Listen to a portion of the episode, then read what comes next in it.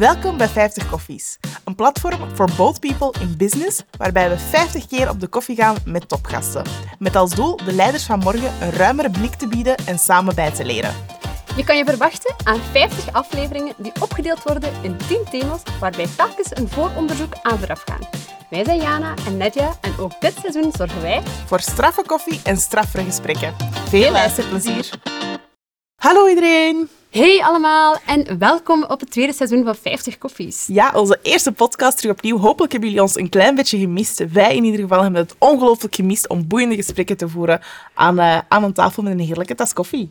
Ja, en vooraleer dat we hier dieper ingaan op het gesprek samen met Eva van Alpro, eh, willen wij toch nog heel graag onze sponsors of partners bedanken die dat mogelijk maken om deze podcast te delen met jullie. Ja, allereerst hebben we Koffiekan. Dankzij haar drinken wij tijdens onze opname straffe koffie voor nog straffere gesprekken.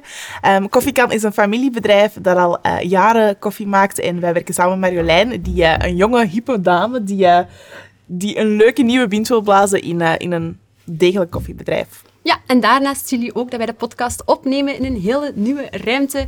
En dat is uiteraard mogelijk door onze partner AFA Software. Zij inspireren beter ondernemen en eh, ze hebben eigenlijk een software om bedrijfsprocessen van eh, ja, bedrijven te vergemakkelijken, te automatiseren, zodat je als ondernemer veel meer tijd hebt voor al die zaken die je wel graag doet. Ja, en aan deze aflevering, of aan het topic duurzaamheid, waarvan deze de eerste aflevering is, hebben wij ook een vooronderzoek aan vooraf laten gaan eh, door onze onderzoekster Cato.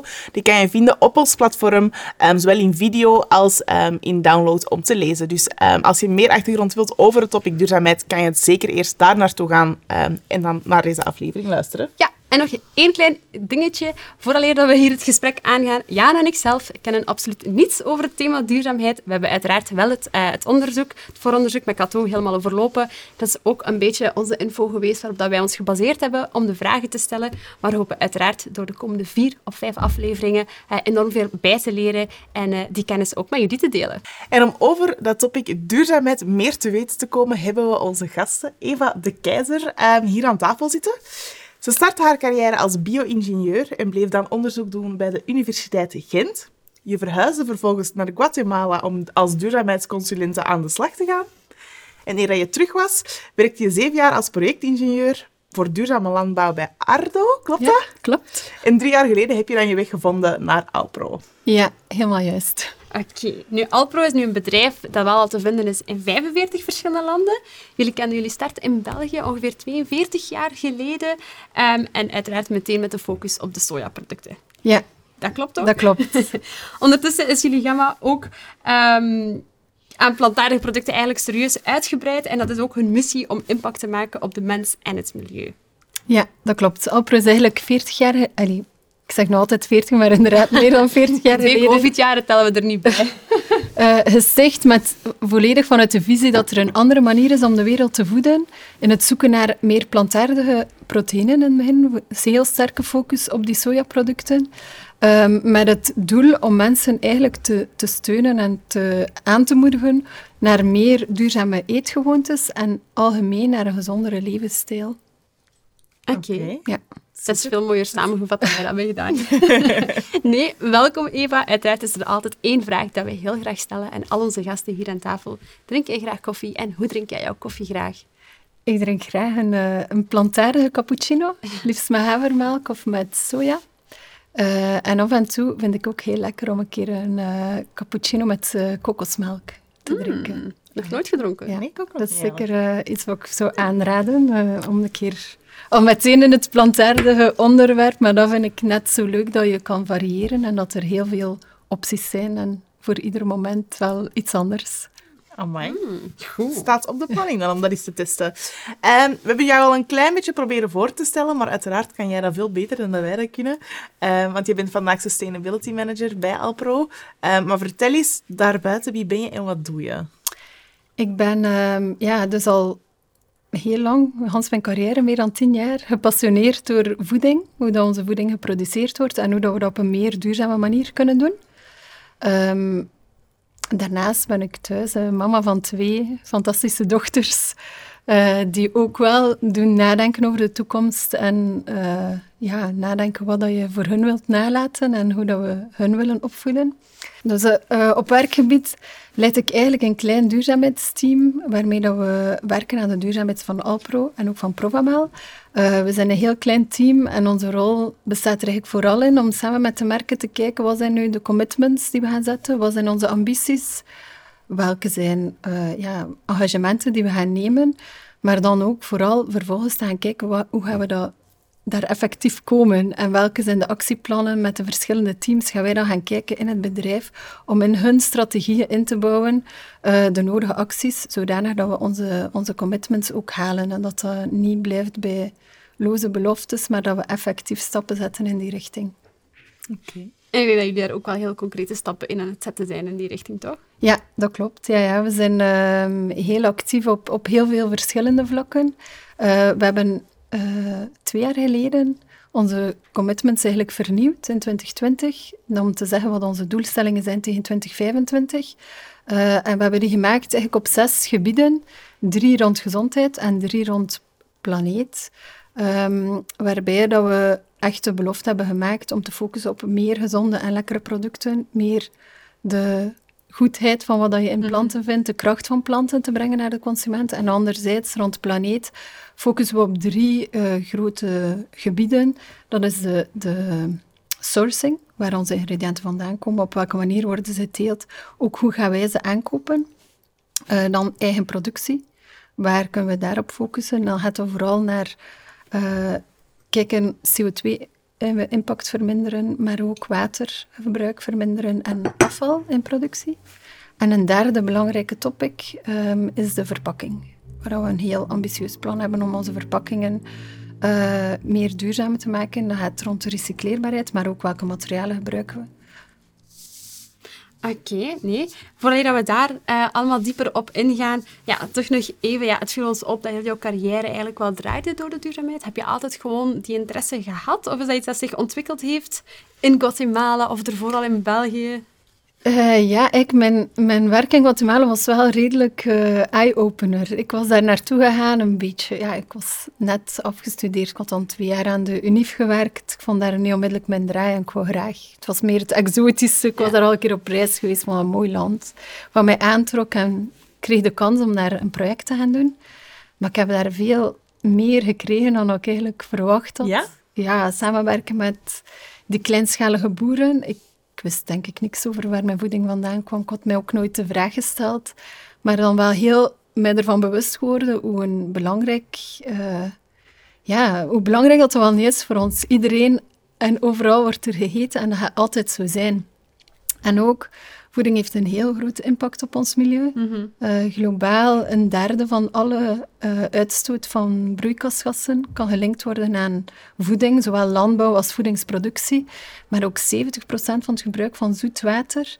En is een van de belangrijkste um, oorzaken van biodiversiteitsverlies. Dus als je dat allemaal samenneemt, gecombineerd met het maatschappelijke belang, vind ik dat een super relevante sector om in te werken. En die wordt zeker... Allee, die was altijd relevant, maar nu, aangezien het 5 voor 12 is, met alles wat klimaat, is het extra relevant. Ja, extra relevant. En ook, we willen, denk ik, als consument ook steeds meer weten van waar komt dat voeding mhm. eigenlijk vandaan.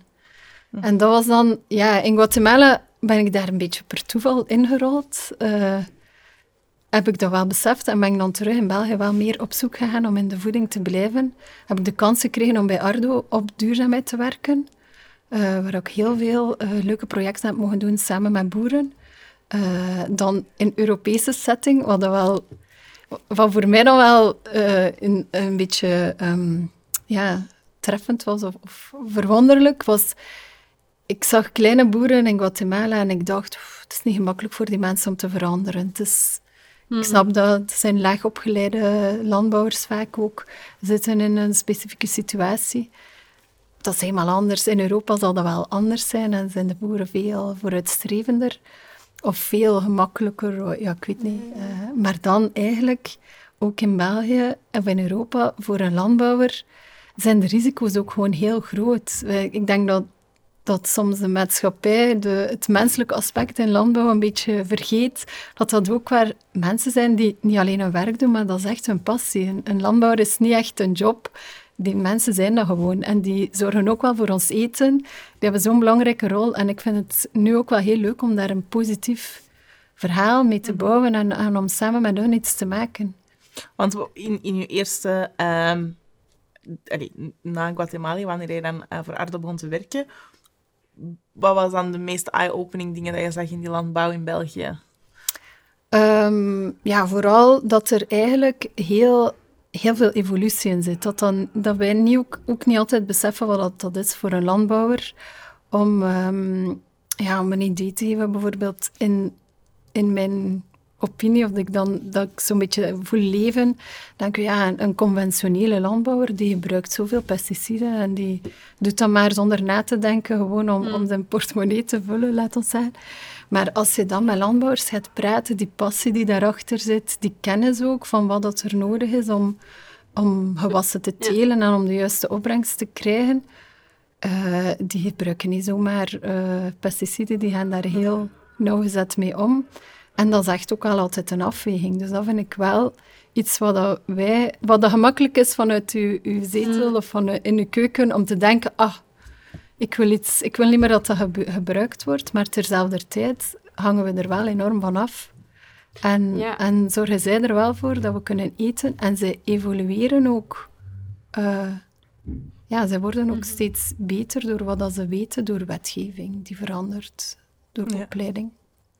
Wordt dat, wordt dat gedaan door de overheidsopleiding naar landbouwers? Ja, ja? landbouwers zijn verplicht om uh, opleiding te volgen rond gebruik van gewasbescherming bijvoorbeeld. Moeten zij opleiding volgen om die te mogen aankopen en te gebruiken. Ah, okay, Nog zo'n ding dat mensen niet weten, toch? Nee, nee. Dat is denk dat dat een heel... Iedereen weet wel dat dat er is. En dat is een, een heel groot deel van België is landbouwgrond, hè, toch? Ja, ja. En misschien ook wel, wat, dat, wat dat we niet altijd weten, is dat we in, in West-Vlaanderen... Alleen, er zijn verschillende regio's in België, maar West-Vlaanderen is echt een groenteschuur van, van Europa. Hè. De combinatie van hardwerkende landbouwers, de kennis die er zit, met goede gronden, goed klimaat, daar groeien uh, groenten heel het jaar door. Dat is een van de rijkste uh, regio's en dat gebied in Europa. Dat is wel ook iets waar we best wel trots op mogen zijn als, als Belg. Maar we zelfs misschien allemaal niet weten. Ja. Nee, of wij zelf dan. Nee, absoluut. Wist ik zeker niet.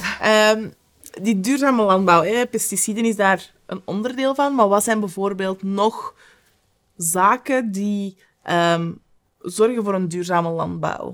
Ja. Of voor een niet duurzame landbouw? Dat gaat heel ruim. Hè? Als je kijkt tien jaar geleden, als ik werkte voor Ardo, was dat meer een, een samenraapsel van een aantal zaken dat je kan doen op, op het veld. Het was vooral gericht op wat kan een individuele landbouwer doen op zijn veld. Hij kan alternatieve gewasbescherming gebruiken of minder. Hij kan kijken naar zijn bemesting. Hij kan een aantal zaken doen tegen erosie of biodiversiteit aan de rand.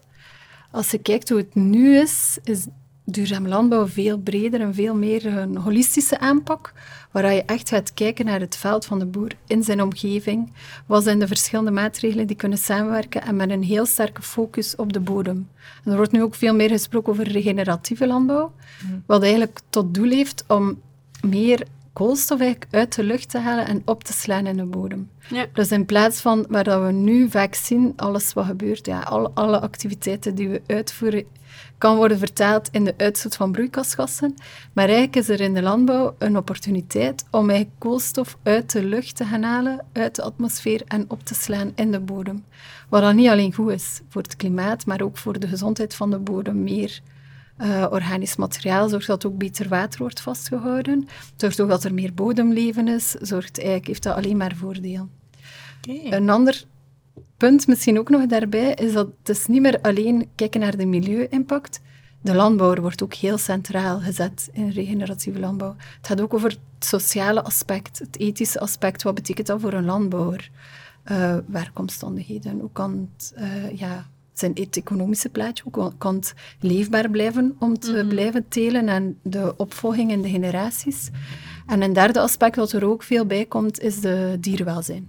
Wat dat dan natuurlijk voor plantaardig niet van toepassing is. Maar het is wel, toont wel dat het een veel holistischere aanpak is dan wat mhm. dat vroeger misschien in een aantal goede praktijken werd vertaald.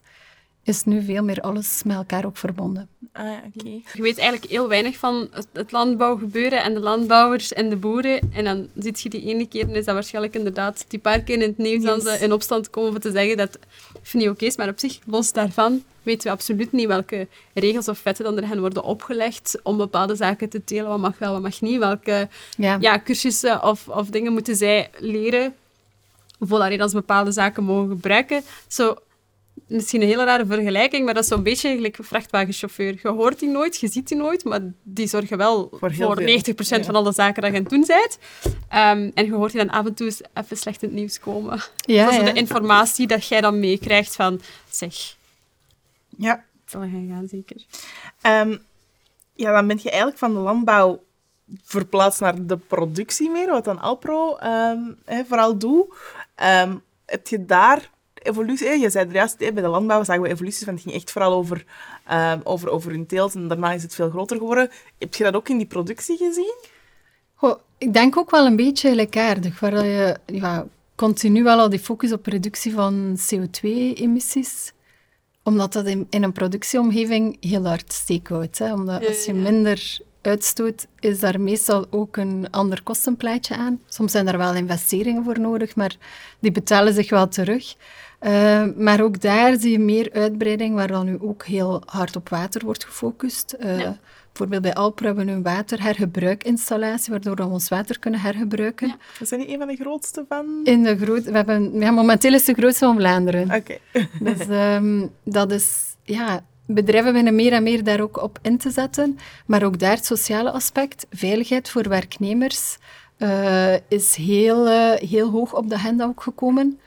Wat dat misschien wel logisch lijkt, maar ook dat is niet altijd een gemakkelijk onderwerp, want het heeft heel veel met, met gedragingen te maken.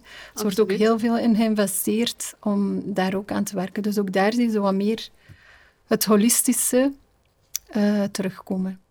Oké. Ja, en om mooi die brug te bouwen, hè, je, je zit nu inderdaad als sustainability, sustainability manager bij Alpro. Eh, maar van waar was die noodzaak er eigenlijk al 42 jaar geleden om die soja of die plantaardige producten toch te starten? Ehm, de, het initiële idee, of de inspiratie is eigenlijk gekomen in, ehm, toen dat een van de stichters in, in Afrika was en geconfronteerd werd daar met, met eigenlijk ondervoeding. En dacht, hey, er moet hier toch iets kunnen geteeld worden om die mensen te kunnen, te kunnen voeden en om hoogwaardige proteïne te kunnen leveren. En zo is eigenlijk het idee van een sojadrank ontstaan. En dan hier in België verder uitgewerkt en uitgebouwd.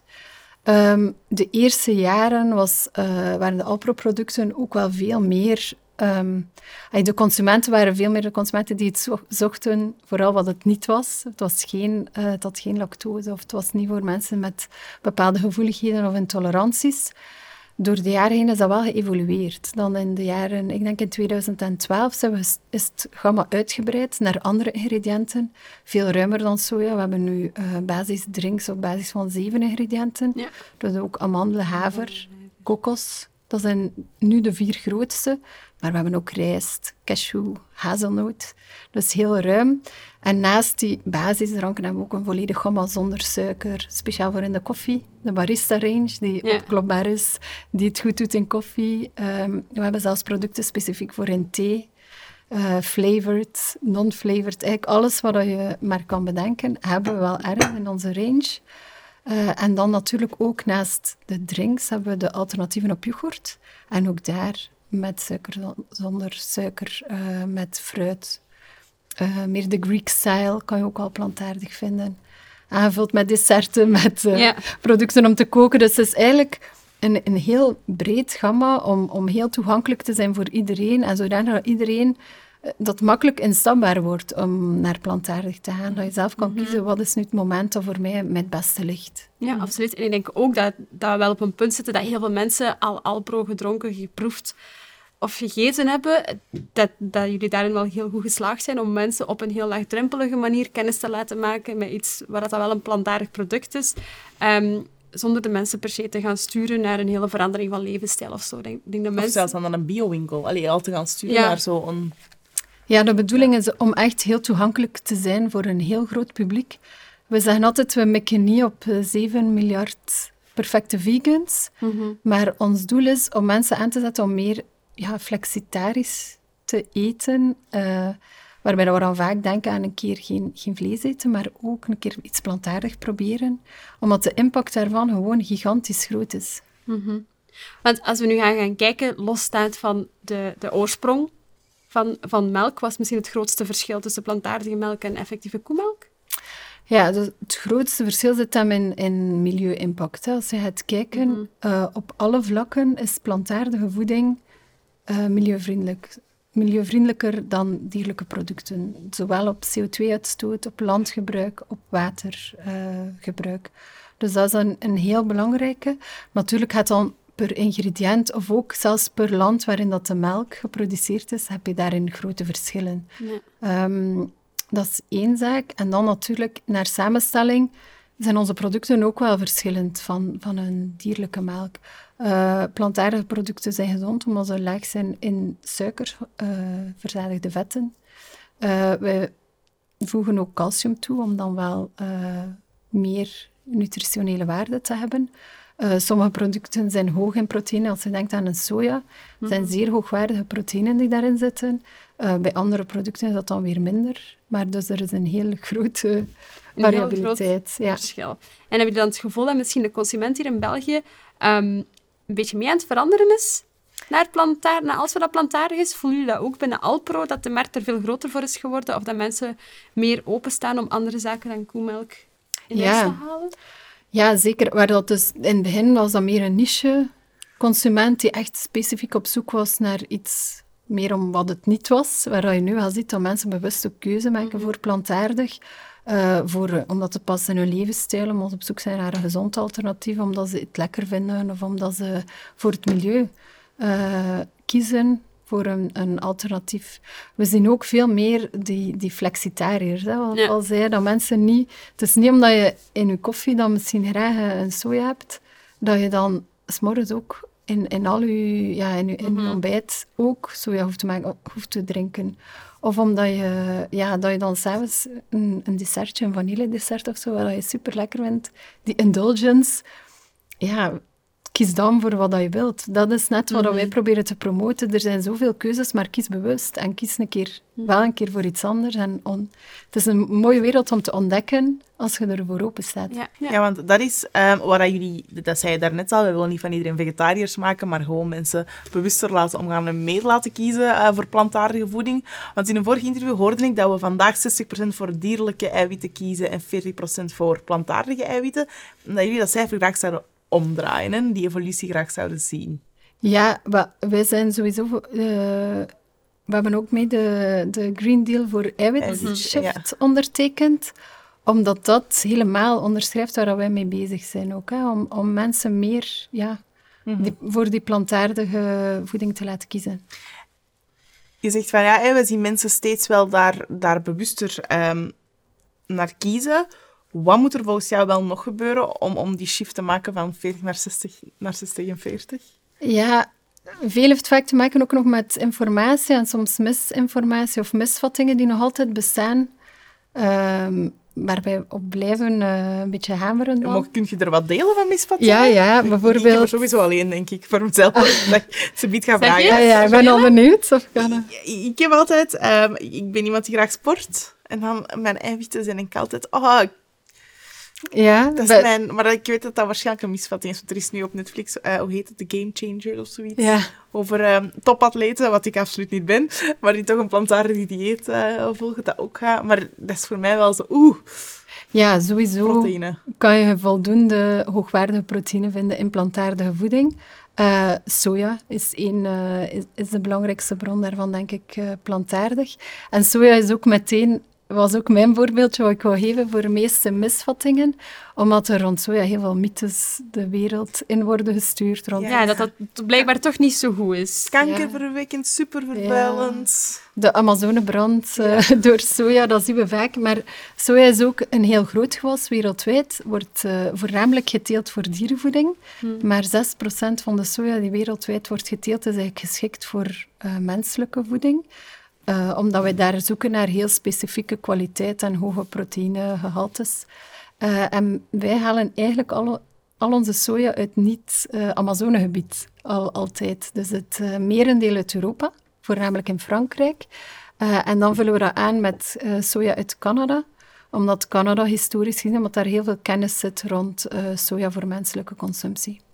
We zorgen er ook voor dat dat GMO-vrij is, wat dat ook in die veel terugkomt, dat alle soja genetisch gemodificeerd is. Dat is ook niet het geval. Het is perfect mogelijk om uh, non-GMO soja te kopen. Um, en wij kopen ook al onze soja Proterra gecertificeerd. En dat is een certificaat eigenlijk voor de milieu-impact uh, die een aantal maatregelen ook oplegt uh, om de teelt zo milieuvriendelijk mogelijk te maken. Heel veel misvattingen ja. Omtrent ja. soja. Ja, want ik, dat is echt heel fijn. Ik heb ooit eens een story gemaakt, op, ook op Instagram, waarop dat ik zei van... Ik heb mijn koemelk vervangen hè, door sojamelk. Dat was toen ook van Alpro, denk ik. En toen heb ik echt meer dan tien berichten gekregen. Dat dat niet oké was. En dan geloofde dat eigenlijk wel een beetje. Ja. Omdat... Ja, iedereen heeft daar een mening over. Dus dan denkt je, oké, het is misschien niet waar, maar het zal dan toch misschien iets niet oké zijn daaraan. Ja, en dat, dat is ook wel een barrière, denk ik, om naar plantaardig te stappen. Het is precies al dat, dat je altijd wel ergens gaat beoordeeld worden. Of ja, je moet precies 100% plantaardig worden of, of, ja. of niet zo. Ja. Of was het 100% healthy en perfect. En, ja. ja, en dat is eigenlijk ook waar we een beetje met, met Alpro willen doorbreken. Je hoeft niet perfect te zijn. Kies gewoon op het moment waar je zin in hebt. En elke positieve keuze is een positieve. Mm -hmm. Ja, absoluut. Dat is, um, dat, is, dat is zeker waar. Um, dus die misconceptie of die misinformatie dat er gebeurt, zijn er nog andere dingen? Zijn wij bijvoorbeeld, ik weet het niet of, dat je, of dat, je dat weet toevallig of niet, um, zijn wij Belgen bijvoorbeeld cliché iets, uh, meer, hebben wij iets meer weerstand op verandering bijvoorbeeld? Of, oh, en zie je dat in andere landen dan wat minder? Of hoe... Ik ben daar zelf niet volledig... Uh, ja, ik, ik, weet daar geen uh, cijfers over, maar er zijn wel grote verschillen tussen de landen. Ja? Natuurlijk, België ja. is, is een beetje de, de bakermat van Alpro, dus iedereen kent Alpro wel. Uh, maar, uh, en uh, ook veel mensen gebruiken Alpro, maar er zijn wel verschillen tussen de landen. Ook landen waar dat we later lanceren.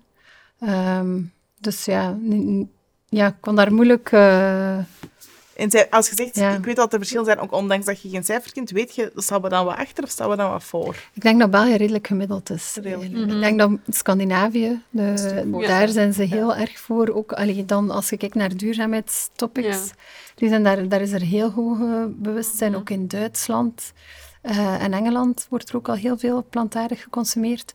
Ik denk dat België en Nederland zijn ook wel zo typische melklanden. We zijn opgegroeid met een glas melk in onze hand. Dat is niet in alle landen zo. Nee, nee. Maar dat natuurlijk dan de, is de stap ook wel nog groter. Um, allee, ik vind het zelf een grotere stap om een glas te drinken dan om bijvoorbeeld in je koffie of een dessertje dat is ook te, te koken. Ja, ja, dat is zeker zo. Ja. En denk je dat dat misschien die... Um ja, in andere landen dat dat misschien de communicatie vanuit overheden of dergelijke op een andere manier gebeurt omtrent het plantaardige en dat er daar ergens een verschil is? Uh, dat weet ik niet eigenlijk. Daar heb ik geen idee van. Nee, misschien meer omdat wij echt wel die melklanden zijn. En... Ja, wat je nu ook wel ziet opkomen natuurlijk is heel veel meer uh, communicatie ook rond duurzaamheid. -hmm. uh, er zijn verschillende duurzaamheidslabels die zich zijn aan het ontwikkelen, die een score zouden geven, die ook wel aan de consument meer inzichtelijk gaan maken. Wat is eigenlijk de impact van verschillende producten en hoe verhouden die zich onderling? Maar dat is een heel uh, complex ja, verhaal, omdat ja, wat ik daarnet ook had verteld, zo die holistische visie en alles wat daarmee te maken komt, om dat te herleiden naar één score of één ja. ja evaluatie, dat is mhm. gewoon niet gemakkelijk. En het is, het is ook niet altijd gemakkelijk om dat zo te brengen. Net zoals dat je zegt, ah ja, ik kies voor plantaardig op basis van soja. Als je dan de commentaar krijgt, ja, maar het komt misschien van weet ik niet waar, je weet het niet, dan nog is het een betere keuze dan, dan, uh, dan dierlijke producten. Okay. Op milieuvlak. Oké. Oké, en als we het dan hebben over ja, al die plantaardige voeding en al die vragen dat daarbij komen te kijken, Moeten we dan allemaal volledig gaan overschakelen naar plantaardige producten? Of is dan bijvoorbeeld een goed idee dat 90% van de bevolking wel vegetarisch zal worden? Eigenlijk uh, absoluut niet. Er is, um, ik denk ook dat al ongeveer twee jaar geleden een uh, rapport uitgekomen van de Eat Lancet-commissie.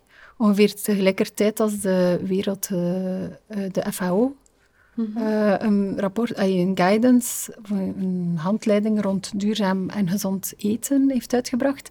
En eigenlijk is dat hetzelfde. Dat zijn wetenschappers die onderzocht hebben hoe kunnen we nu eten binnen de grenzen van de planeet, maar ook gezond voor onszelf, voor ons eigen lichaam. En ze hebben die twee zo gecombineerd. Wat is hoe eh, ja, dus voor de planeet en het lichaam. En zij komen eigenlijk met het flexitarisch dieet. Dus ze zeggen, dierlijke producten hebben nog altijd een plaats in onze voeding. Ehm, maar we moeten gewoon minderen. En we moeten eigenlijk plantaardige producten in het centrum van ons bord leggen. En als je dat al doet, door kleine aanpassingen, iets minder dierlijke producten, meer plantaardige producten, dan kan dat perfect binnen de grenzen van onze planeet. En ook gezond. En je gaat ook niet... Uh, niet moeten een schrik hebben dat je een uh, hongerige hebt na je sport. Uh, de, dat kan perfect. Oké. Want hoe ziet dan het ideale eruit? Is dat dan 60%? Het ideale eetpatroon? Ondanks allez, een zoetje hier of een zoetje daar, dat, daar weg van blijven. Maar... Um, er worden geen allee, harde cijfers daarop geplakt, maar vooral, ja, het is meer dan de helft wel plantaardige producten. Mhm. ja. Aangevuld met, dus dat, dat kan van alles zijn, hè, groente, fruit, uh, je hebt noten, uh, dan plantaardige drinks, uh, margarines om mee te koken bijvoorbeeld ja. ook. Dus dat gaat heel ruim. En minderen, dus minder dan, dan een kwart eigenlijk, uh, dierlijke producten. Oké. Okay. Hoe, doe jij, hoe doe jij dat? Hoe is het bij u? Um... Het was heel plat aan Sorry, hoe doe jij dat? hoe doe jij dat? Nee, uh, als ik, ik ben sowieso geen grote vleeseter.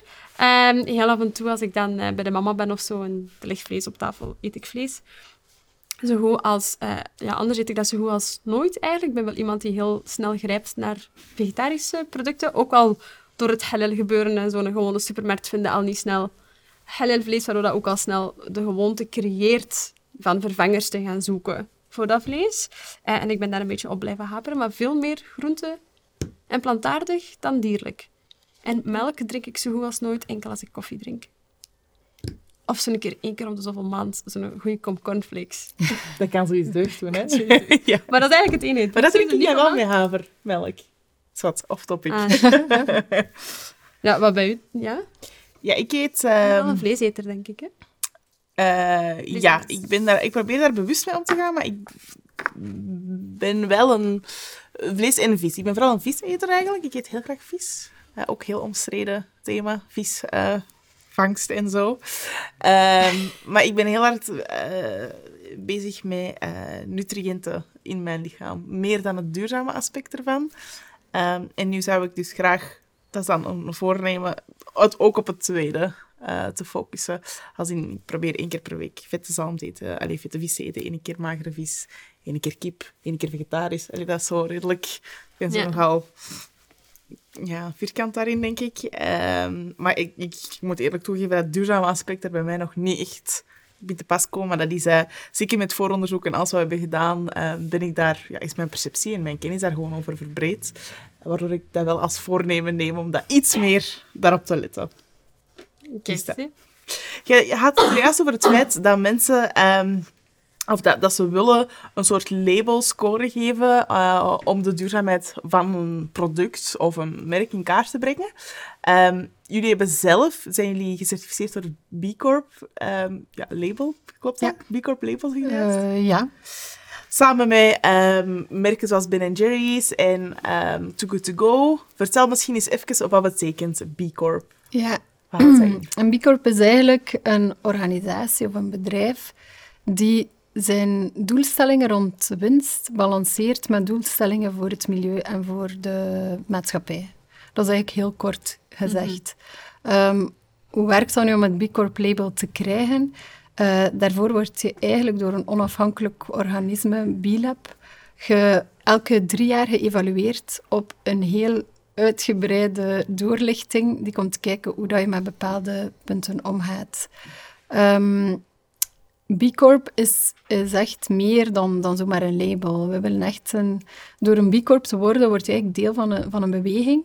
Het zijn allemaal bedrijven die eigenlijk een transitie in, in, in de economie willen, willen teweegbrengen. En die willen dat de, andere, dat de beslissingen, dat in beslissingen veel meer wordt meegenomen dan enkel wat het de impact zijn op de, op de winst en op de cijfers, maar ook wat het de impact zijn op uw werknemers, wat het de impact zijn op de gemeenschap, op het milieu, op uw klanten. Ehm, en daar dus heel breed naar het kijken. Oké, en jullie, ja, je hebt het er straks wel een klein beetje aangehaald, uh, maar jullie proberen op heel veel verschillende factoren in jullie productieproces uh, kritisch te zijn naar jullie zelf om, om te verbeteren en duurzamer te worden. Hoe, hoe, gaan, hoe doen jullie dat? Hoe gaan jullie eraan ermee te werk?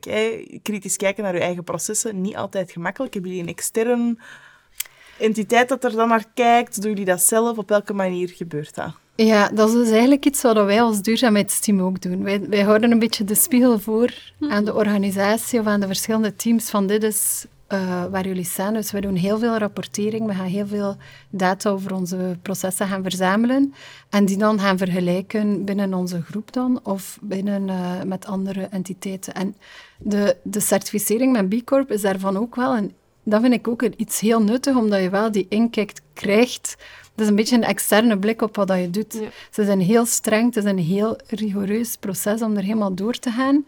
Maar achteraf heb je wel een beetje een status waar je staat, internationaal. Mhm. Ehm, dus om, om dan met, met Bicor verder te gaan, ze gaan eigenlijk op vijf levels gaan kijken. Ze kijken naar uw governance, dus hoe wordt het bedrijf beheerd, waar worden beslissingen gemaakt, uh, wat wordt er allemaal mee in rekening genomen. Ze kijken naar werker, werknemers, wat uh, is daar allemaal van uh, opleidingsmogelijkheden, werken rond veiligheid zit daarin. De grootste blok is milieu. Hoe wordt de milieu-impact gerapporteerd en wat, wat, zijn de actieplannen daar rond? dan is er nog eentje rond consumers. Dus hoe bereikbaar dat je bent als merk voor mensen die je product gebruiken. En de laatste, wacht, ik heb al governance, environment. Uh, ah ja, community natuurlijk, de gemeenschap waarin dat je werkt. Uh, waar dat bijvoorbeeld punten worden gegeven als werknemers tijd krijgen om vrijwilligerswerk te doen tijdens mm. de uren. Um, dus dat is een hele doorlichting op al die punten. We zijn super trots dat we wel voor het uh, onderwerp milieu uh, bij de 5% beste bedrijven in onze categorie scoren van Bilab. Dus we zijn vorig jaar Best for the World geworden, wat wel oh, uh, super mooi oh, mooi. Ja, want dat is toch ook vaak een beetje een misconceptie van de grote bedrijven. Hè? Van de communicatie, of misschien is dat mijn perceptie, spreekt mij zeker tegen, um, die ik soms heb. Um, die kleine bedrijven zijn makkelijk... Um, makkelijker winbaar of zo. En dan zie je zo van die start-ups die fantastische dingen doen. Um, en van die grote bedrijven lijken zo van, ja, daar ben ik toch zo wat sceptischer over. Of zo, jij dat ook zo? Ja, dat, dat is, is zo. Ik denk dat dat een, een marketing... Is dat een greenwashing? Is ja, is het greenwashing of is het niet greenwashing? Maar ik denk ook gewoon, vooral omdat dat veel in het verleden gebeurt, dat er ook al veel verhalen stoot bepaalde sustainability-zaken die naar voren gebracht worden, zijn misschien 10% sustainable en 90% niet. Dus dan gaat het niet beter dan dat je dat of dat zou gebruiken. Ik heb zo'n artikels... Ja, mensen zijn snel om heel veel mensen of bedrijven op de vingers te tikken. En dan is zo'n groot bedrijf wordt dan veel sneller geviseerd natuurlijk. Hè. Ja. Hoe ja, terwijl dat wij als groot bedrijf natuurlijk de, het voordeel van schaal hebben. Als wij iets mm kleins kunnen veranderen, is het onmiddellijk op een, op een grote schaal. Bovendien hebben wij ook wel uh, veel, veel, um, veel mogelijkheden gewoon. Er, zijn, er is heel veel kennis. We hebben toegang tot de beste partners om mee samen te werken en om dingen in beweging te zetten. Anderzijds denk ik dat die kleine bedrijven, die zijn inderdaad soms meer wendbaar en die trekken ook wel mee de hele industrie vooruit. Mhm. die, die, kunnen zo tegen de schenen schoppen en zorgen dat er bij ons ook uh, dingen in gang worden gezet. Ik denk ook typisch voor een groot bedrijf, wat ik al uh, wel veel gezien heb, wij spelen op alle vlakken. Er is een, een basis sustainability team die ook zorgt dat, dat naar, naar CO2-emissies bijvoorbeeld, zijn wij dan als Alpro-team, moeten wij daar niet echt van wakker liggen. Daar zijn projecten al die voorlopen, mhm. dat zit al helemaal doordrongen in de volledige bedrijfscultuur. Wij kunnen echt focussen op meer specifieke, soms meer uh, leidende de, projecten, wat dan wel een, um, ja, een voordeel is. Ik denk als klein bedrijf, ook wel als start-up, kan je ermee starten vanuit onmiddellijk vanuit de visie van we gaan hier een duurzaam, we gaan all the way gaan naar duurzaamheid. Dus je, je prijszetting, je product, dat is allemaal van in het begin juist. Terwijl als je een groot schip moet helemaal veranderen, Ja. dat is wel eh, moeilijker. Er zijn ook veel meer stakeholders soms mee gemoeid. Maar ehm, ja, voor mij gaan ze gaan beide hand in hand en hebben beide een plaats ook om, om het vooruit te laten gaan. Iedereen moet zijn steen bijdragen. Ja. Alleen ja, wordt het inderdaad misschien soms minder geapprecieerd van iemand dat de eerste kleine stapjes aan het zetten is, krijgt meteen... Ja, krijgt eigenlijk meteen een beetje op zijn nek van het is nog niet volledig goed. Eh, Ja. Maar dat is een beetje typisch hè, aan al die topics. Dat ofwel 100% goed moet zijn, of, ofwel, ja, ofwel ben je niet goed genoeg. Ja, ik denk daaraan gelinkt ook wel terug zo wat dat onderwerp van communicatie. Het is heel moeilijk. Niemand wil, eh, greenwashing doen, maar je wilt tegelijkertijd wel trots zijn op wat je al hebt verwezenlijkt. En dat is een heel moeilijke afweging. Zeker als je dan gaat kijken naar, naar bedrijven met, met een marketing, met een merk. De boodschappen die, die je kan brengen in je, in uw communicatie soms is dat zeer high level. En om te zorgen dat dat... Dat zijn dan de discussies die ik vaak heb. Ik leg het uit en de marketeer zegt, ja, maar het is, het is te complex. We willen het vereenvoudigen. En dan zeg ik, ja, maar dan is het niet meer helemaal correct. Dus dat is een eeuwige zoektocht naar toch die, die diepgang geven en, en echt uitleggen wat je doet. Ehm, en aantrekkelijk en, en boodschappen geven die voor iedereen verstaanbaar zijn. Ja, en ik ga juist nog even inpakken, eh, inpikken op eh, ja, de greenwashing waar je het over hebt. Misschien nog eens kort uitleggen voor de mensen die het niet weten. We gaan er altijd vanuit dat mensen helemaal niets weten over bepaalde zaken. Ja, greenwashing is dus eigenlijk wanneer dat je beweert iets goed te doen voor het milieu, kan eigenlijk alle claims zijn die je maakt over een milieuvriendelijke impact. Eh, waar dat je eigenlijk, als je gaat graven, zoals je zegt, dat er geen eh, concreet bewijs achter zit. Ehm, nu, greenwashing is ook wel, daar is geen strikte definitie voor. Hè.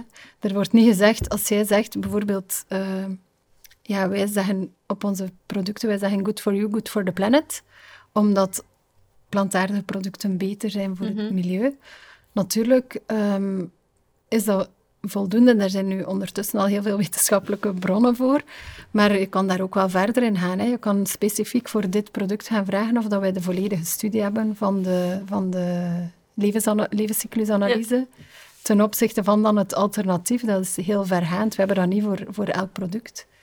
Ehm allee, voor elk Ja. Type verpakking en elk product, dat gaat heel, heel vergaand. Dus Dus als je dan, want als consument kan ik me ook voorstellen dat het dan wel verwarrend is, want er zijn gewoon al in het verleden cases geweest hè, waar, waar dat dan niet zo positief in het licht kwam. Ik denk dat daar ook steeds meer strenger op wordt en de consument ook steeds strenger wordt. Dus het zal wel een, een verbetering aankomen.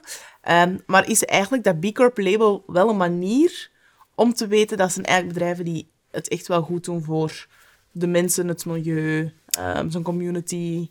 Ja, natuurlijk, ja, dat, zeker wel. Hè. Dat is een bedrijf dat is doorgelicht. Dat, dus B Corp gaat kijken op 200 punten, denk ik, wat dat je allemaal doet. Wordt heel, eh, heel in detail.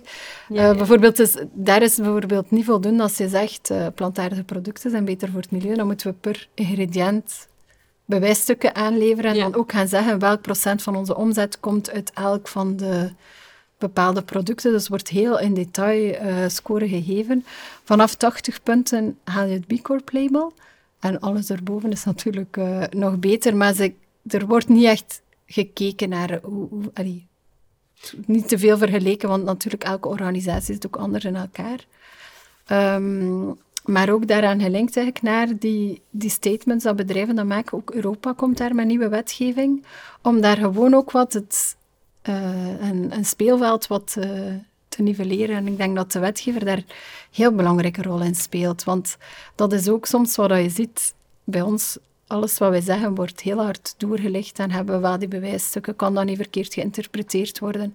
Soms zien wij ook wel communicatie passeren van ja, kleine bedrijven of andere bedrijven, niet, niet per se kleine, maar waarvan dat je denkt, kunnen die dat wel hard maken? Dat is, niet, dat, dat is ook misleidend. En dat is moeilijk ook voor, eh, voor ons om daar dan tegenop te boksen. Als je alles juist wil doen en je Ja. zit in een heel eh, com- com- concurrerende omgeving Ja, eigenlijk, waarbij er hoge statements worden gemaakt, ehm, ja, om dan... Ja, soms word je niet, niet beloond naar wat je allemaal doet. Ja, dat snap ik wel. Dat is een moeilijke markt ook, die voor de consument niet altijd duidelijk is. Ja. Ja, maar als ik met andere duurzaamheidsmanagers spreek, die botsen daar ook tegen. Het is eigenlijk, weet je, hoe meer dat je ook weet over het onderwerp, kan ook overweldigend zijn, want het komt ook alleen maar duidelijker hoeveel dat we eigenlijk nog moeten doen. Ja, ja. Er, staat- er is ja, nog ja. heel veel werk voor ons die we moeten veranderen, waardoor dat wij als duurzaamheidsmanagers eigenlijk ook soms wat terughoudend zijn om die grote statements te maken. Ja, ja dat snap ik Ja, en misschien gewoon helemaal los daarvan is het financieel ook gewoon niet veel moeilijker om alles omtrent een certificaat te krijgen. Allee, een B Corp certificaat te krijgen. Ik kan me inbeelden dat starters of kleinere bedrijven misschien niet al die financiële middelen ook hebben om Ja. al die zaken voor te leggen, dat zo een certificaat nodig heeft, maar daarvoor wil dat misschien ook nog niet zeggen dat dat niet zo een goed... Allee, dat die dat Ja. niet is. Dat is ook nog zo'n wereld dat voor de consument sowieso al heel onduidelijk is van oké, welke certificaten zeggen mij welke info en dat die communicatie nog niet duidelijk gebeurd is. Maar anderzijds ook, ja, hoe groter de zijt, hoe groter het financiële plaatje, hoe meer je ook kunt bijdragen. En als dat duurzaamheid is, want het blijft ook wel zo dat dat financiële plaatje daarmee wel omhoog gaat, toch? Ja, maar B Corp houdt daar wel echt rekening mee. Hè. Ze hebben verschillende ja, formules. Of hun, hun vragenlijst is heel aanpasbaar. Dus op basis van wat voor soort bedrijf je krijgt eerst zo wat een eh, situatieschets. En op basis daarvan worden de criteria bepaald waarop dat je gaat ge- geëvalueerd worden. Dus voor kleine bedrijven kan dat al anders zijn. Eh, ook de kostprijs is daar anders. Maar natuurlijk, het is wel een investering, alleen al van tijd, om alles te gaan verzamelen. Eh, en het is inderdaad niet omdat je het niet hebt, dat je niet, niet zo goed scoort. Maar ja, het is, het is een middel om te tonen wat je doet. Ehm, het is ook iets eh, dat inderdaad in België zeker nog niet zo bekend is. Eh, waar dat we wel als B Corp community dan ook meer aan gaan werken. eh, om dat meer bekend te maken en om meer naar de consument uit te leggen. Wat betekent dat eigenlijk B Corp en wat, eh, wat moeten we daarvoor doen? Denk je dat het moeilijker of makkelijker is om als klein bedrijf duurzaam te zijn? Of hetzelfde? Goh, ik, ik denk dat het een beetje hetzelfde misschien is. Ik denk dat het gemakkelijker is als start-up om echt vanuit die insteek te beginnen. Eh, omdat je dan heel sterk kan communiceren en omdat je dat dan helemaal in je, in je DNA kan hebben. Nu, wij als groot bedrijf, ik durf ook wel zeggen, bij ons zit duurzaamheid ook volledig in het DNA. ehm, mee in de targets, in de verschillende strategieën en in, in alle afdelingen hebben we wel... eh, ja, het is gewoon geïntegreerd. Daarom ik ook altijd zeg, we zijn maar een klein team. Maar ja. je moet ook geen groot duurzaamheidsteam hebben, want wij op zich ja, kunnen wij ook niet, niet, niet veel betekenen. Je kan duurzaamheid niet in een aparte afdeling steken. Het moet gewoon door iedereen gedragen zijn. En ik denk dat daar eh, voor een... Ja, afhankelijk van bedrijf tot bedrijf, maar iedereen kan iets doen. En zelfs binnen het bedrijf kan ook iedereen... eh, Ja. ik geef altijd de uitdaging, als je niet goed weet hoe dat je job bijdraagt aan ons duurza- duurzaamheidsprogramma, laat mij weten en ik zal u, ik zal u vertellen hoe dat is, want iedereen, eh, iedereen kan Dat is misschien wel ineens een heel mooie brug van als je nu bedrijven hebt die gewoon al 30 jaar of 100 jaar, of maakt niet uit, lang bezig zijn en die denken van, nou oké, we weten dat dat milieu, dat die duurzaamheid, dat dat belangrijk wordt. We willen ons schip een klein beetje eh, en onze tradities eh, gaan, gaan bijschaven. Wat zijn voor dat type bedrijven ehm, dingen die zij in een eerste plaats zouden kunnen ondernemen om quick wins, en dan bedoel ik dan gewoon op impact, ehm, te kunnen halen? Ja, het, allereerste wat ik zou doen, of wat ik ook al gedaan heb, is gewoon kijken wat gebeurt er al allemaal. Want sowieso, elk bedrijf doet al acties rond duurzaamheid. Als het niet is voor het milieu, is het misschien om de kosten te beperken of voor andere redenen. Dus breng dat al een keer in kaart en betrek de mensen daarbij, want zij weten het best wat er moet gebeuren. Dus uw, uw eh, werknemers. En dan tweede is wel iemand aannemen om het allemaal samen te brengen. Soms een gezicht erop plakken, soms heb ik... eh, zeker in het beginjaren had ik vaak het gevoel alleen al daar zijn in mijn rol, dat ik een soort eh, mascotte was voor het programma, waardoor dat ook wel visibel wordt. Dus dat al in kaart brengen. En dan kies... wat dat ook nut is, is een, een analyse doen, zoals B Corp, maar je kan nog met andere doorlichtingen werken. Bijvoorbeeld een keer kijken naar de SDG's, de Sustainable Development Goals. Is ook een heel mooi framework om een keer te kijken waar je staat. En kies dan iets wat dat bij je bedrijfsidentiteit past. Wat dat bijvoorbeeld door de werknemers wordt gekozen, waar je zelf als... als ehm, wat dat de directie heel belangrijk vindt, wat dat past bij de waarden. Iets wat dat klopt in je verhaal.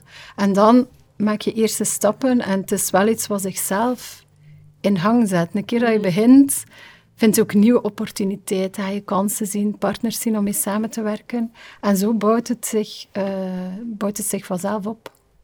En ook communiceren. Van in het begin, wat dat moeilijk is, een uitdaging, maar het is door te communiceren. En dat is ook een beetje door als bedrijf naar buiten te komen ook met je ambities. Eerlijk. En, en dat is soms wat moeilijk als je nog niet all the way gaat als groot bedrijf. Ay, ja, Uh, om, door transparant te communiceren kan je wel ook verantwoordelijk worden gehouden voor je, voor je targets. En is er nog een extra drive om het zeker waar te maken. Hm. Um, en misschien een initiatief wat daarbij aansluit, maar dan, dat dan wel heel ver gaat, bijvoorbeeld rond koolstof. Uh, is dan nu al heel meetbaar wat bedrijven moeten doen om, het klimaat, om de klimaatopwarming onder anderhalve graad te houden. Is dat wetenschappelijk uh, afgesproken? Zoveel kunnen we nog uitstoten. Dat is verdeeld onder de sectoren en als bedrijf kan je perfect berekenen wat dat je budget eigenlijk nog is, wat dat je nog mag uitstoten, dus wat dat je moet doen aan reductiemaatregelen. Um, waar dat wij nu in instappen en, en proberen te pionieren, is om dat breder te trekken dan enkel voor koolstof. En ook rond andere uh, impact op de natuur dan. Uh, ook gaan kijken naar water, naar biodiversiteit, naar landgebruik. Wat betekent dat dan naar onze impact? En kunnen we daar ook gaan afspreken wat, de, wat onze doelstellingen moeten zijn? Mm -hmm. Maar dat zijn uh, daar heb ik beloofd dat ik niet te veel in zou gaan. Maar het is gewoon, denk ik, tekenend dat, dat, dat we dat bedrijven wel verder beginnen kijken. Dat, niet meer, mhm. dat ook niet meer enkel is, wat doen wij nu in onze productieomgeving, want dan ben je eigenlijk rap klaar. Dan kan, kunnen we heel rap allemaal neutraal produceren, maar het is zeker in voeding, het stuk wat ervoor zit, de toelevering van de, van de ingrediënten en hoe die geteeld worden, daar zit een grote impact en daar kunnen wij veel, uh, veel verschil maken. Ja. Want het waren vooral dus die open communicatie daarover en uh, uitdaging waarmee dat je zit als bedrijf als eerste misschien op tafel legt om dan effectief te kunnen starten omtrent alles wat dat duurzaam is of toch zelf duurzamer proberen te zijn. En dan misschien nog gewoon voor alle mensen thuis die aan het luisteren zijn naar deze podcast. Wat kan je als individu misschien nog doen om je steentje bij te dragen als het aankomt op duurzaamheid? Ja, vooral, vooral niet denken dat wat dat jij als individu doet, dat dat geen, geen impact heeft. En elke kleine bewuste keuze is echt wel uh, een stap in de juiste richting en kan het verschil maken. En dan natuurlijk ja, heel gemakkelijk om een keer een plantaardig product te proberen in uw koffie of op een ander uh, moment. Naast alle meer gekende maatregelen dan. Mm -hmm. ja. Ik ga daar nu toch nog heel klein iets over zeggen. Want tegenwoordig hoor je ook wel heel veel tegenstrijdingen daarover. Als, een, als individu, een keer eens kijken hoe dat je de fiets pakt in plaats van een auto um, en die kleine toepassingen doet. Maar die worden eigenlijk nu toch wel heel vaak een beetje weggelegd als dat zijn niet de grote veranderingen of daarmee gaan we niet het klimaat redden. Waardoor dat mensen denken, goh ja, als dat toch niet zoveel zin heeft. of dat toch niet zoveel uitmaakt, misschien moet ik dat dan niet meer doen. Nee, dat is echt niet waar. Als je dat allemaal samentelt en als iedereen dat doet, um, er is een, uh, een studie, de project Drawdown, okay. die eigenlijk alle, een, een oplisting maakt van alles wat we zouden kunnen doen om het klimaat om toch nog te keren. En in de top, ze, ze hebben verschillende scenario's, maar meer plantaardig eten staat in de top 4 hm. van oplossingen voor de klimaatcrisis. Oké. Dus zeker. Uh... Dus al die kleine beetjes helpen wel mensen, ondanks dat er sommigen zijn die dat zeggen dat dat niet zo is.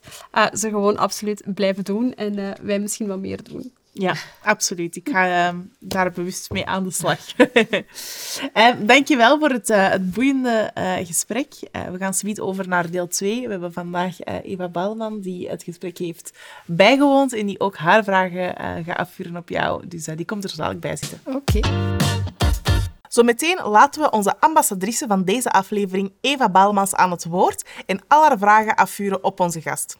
Maar vooraleer we dat doen, nodigen we jullie heel graag uit voor ons lanceringsevent op 12 mei. Ja, want we vieren dan inderdaad onze lancering van seizoen 2 de volledige nieuwe educatiereeks die we lanceren, onze nieuwe branding die we gelanceerd hebben en uiteraard ons volledig nieuw platform. Om dat allemaal te vieren nodigen wij je dus heel graag uit op 12 mei hier in Contig. En meer informatie kan je erover vinden op www.50koffies.be. Inschrijven is de boodschap en hopelijk zien wij je daar. En nu terug naar het interview. En vandaag ook de allereerste keer uh, dat we jullie ook voorstellen en een van onze ambassadeurs hier in het gesprek.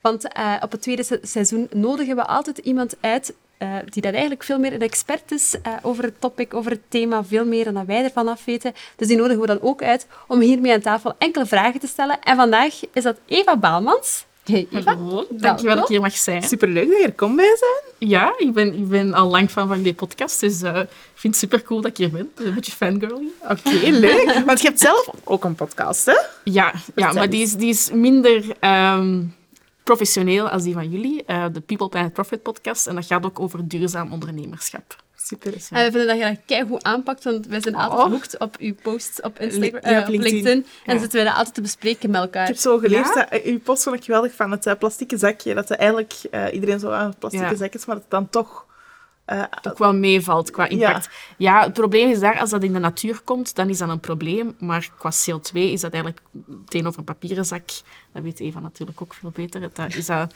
eigenlijk beter. Dus als je nog meer wilt weten over sustainability en duurzaamheid, uh, is de podcast van Eva uh, daar een hele goede tool voor. Oh, maar nu, voor nu laten wij eigenlijk jouw vragen afvuren op Eva. En uh, ja, geven jullie het podium om het gesprek te voeren. Ja. Merci voor het interessant gesprek, want ik heb er heel erg van genoten dat ik daar zat. Um, ik heb vooral meegepakt dat sustainability manager, dat dat iets heel menselijk is. Um, en dat je daar heel erg moet schipperen tussen waar laat ik het los, hè, waar kan ik op dit moment geen impact maken?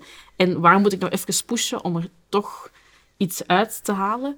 Um, en ik vroeg mij dan af waar dat jij, hoe dat je daar die, um, die keuze maakt om te zien waar push ik en waar laat ik het los.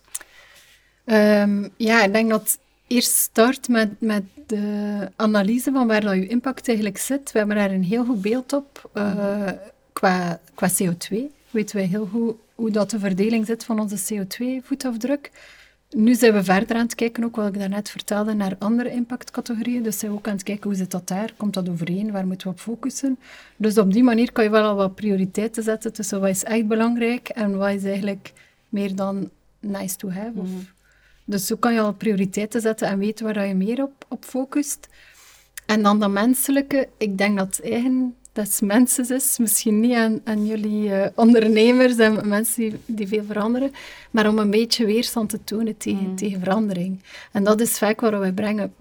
Ook wat jullie zeggen, duurzaamheid is een complex onderwerp. Dus vaak is het gewoon anders inpakken, mee gaan kijken, luisteren vooral naar de mensen, mm. want dat is ook vaak, vind ik, dat veel oplossingen gewoon al bij de mensen zelf zijn. En een keer luisteren, het is niet altijd één ultieme oplossing die, die, die juist is. Dus gewoon al luisteren, wat is mogelijk voor u, wat, wat interesseert er u eigenlijk, wat zou je graag willen doen. En daarop proberen inpikken en dat dan als duurzaamheidsmanager proberen te versterken. Ja. Dat kan al veel uh, vooruit brengen en een beetje die andere manier van denken installeren. Ja. Ik denk dat dat een, een hele, ah ja, of daar, dat begeleiden, ik denk dat dat een belangrijk deel van onze rol is. En wat moet je dan zeggen met die andere manier van denken? Meer gaan denken, als je uh, veel mensen zitten in hun job en hebben bepaalde targets die belangrijk zijn voor het bedrijf. In productie ja. dat zijn naar volumes. Naar...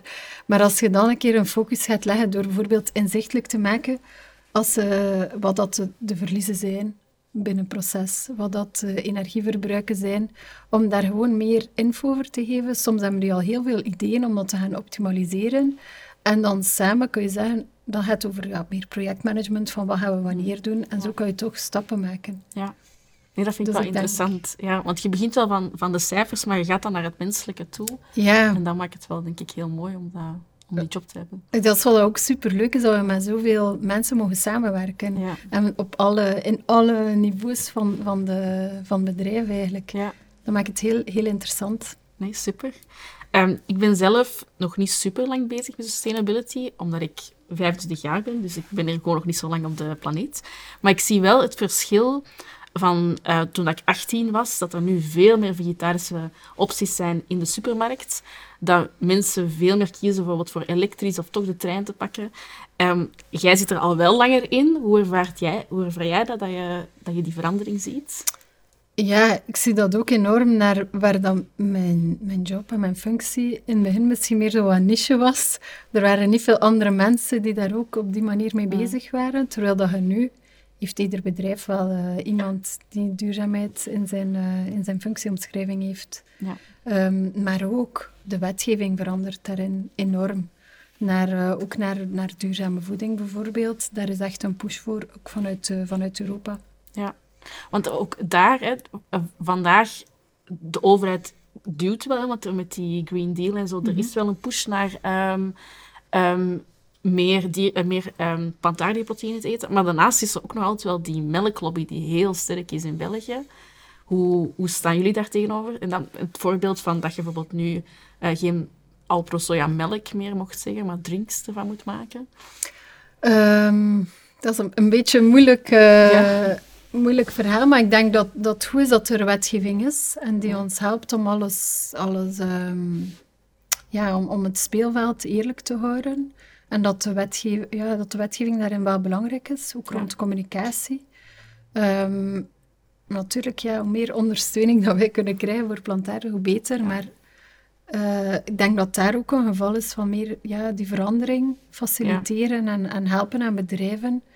eh, om die verandering te maken kan ook overweldigend zijn, maar je ziet ook meer en meer typische bedrijven met dierlijke productie die ook plantaardig in hun gamma gaan, gaan, ehm, gaan starten.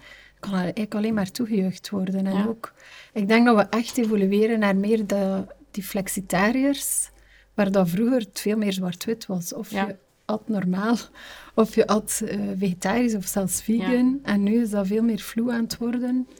En dat is Eh, wel fijn. hè? ja. Ik vind dat ook wel leuk. Ja. Vind, ik, ik had vroeger ook zelf heel veel stress. Ik heb ooit eens veganisme geprobeerd. Dat ben ik nu niet meer.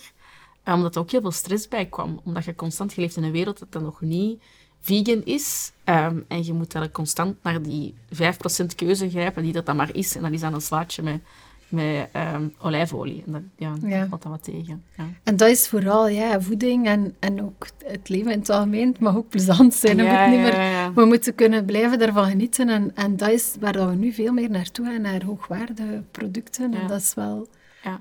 Dat is wel interessant. Om de, eigenlijk moet, de- moet het een evidente keuze kunnen zijn.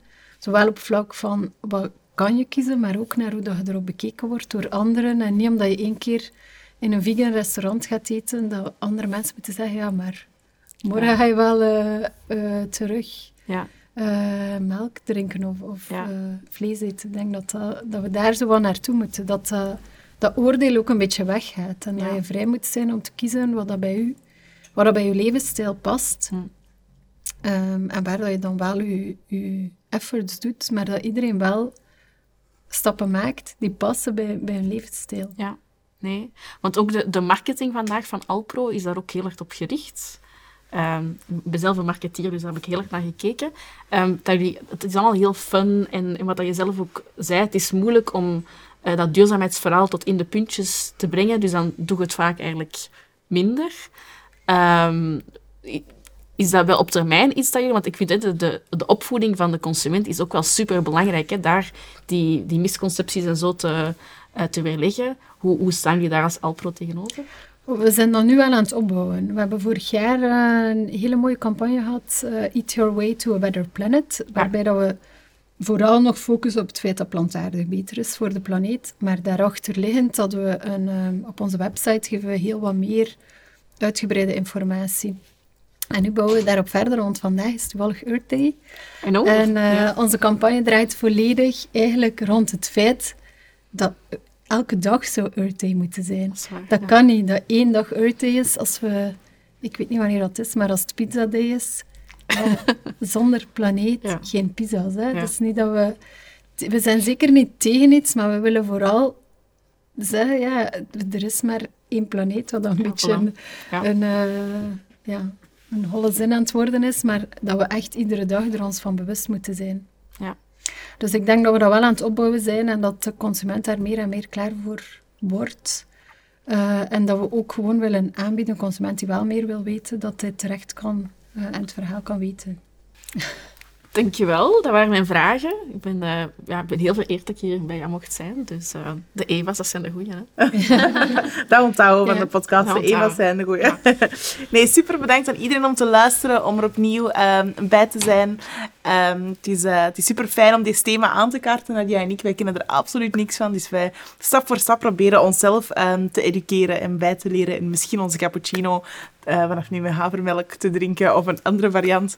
Ehm, maar eh, hopelijk vonden jullie het boeiend en wij zien jullie graag in een volgende aflevering. Ja, tot ziens. Dag. Dag!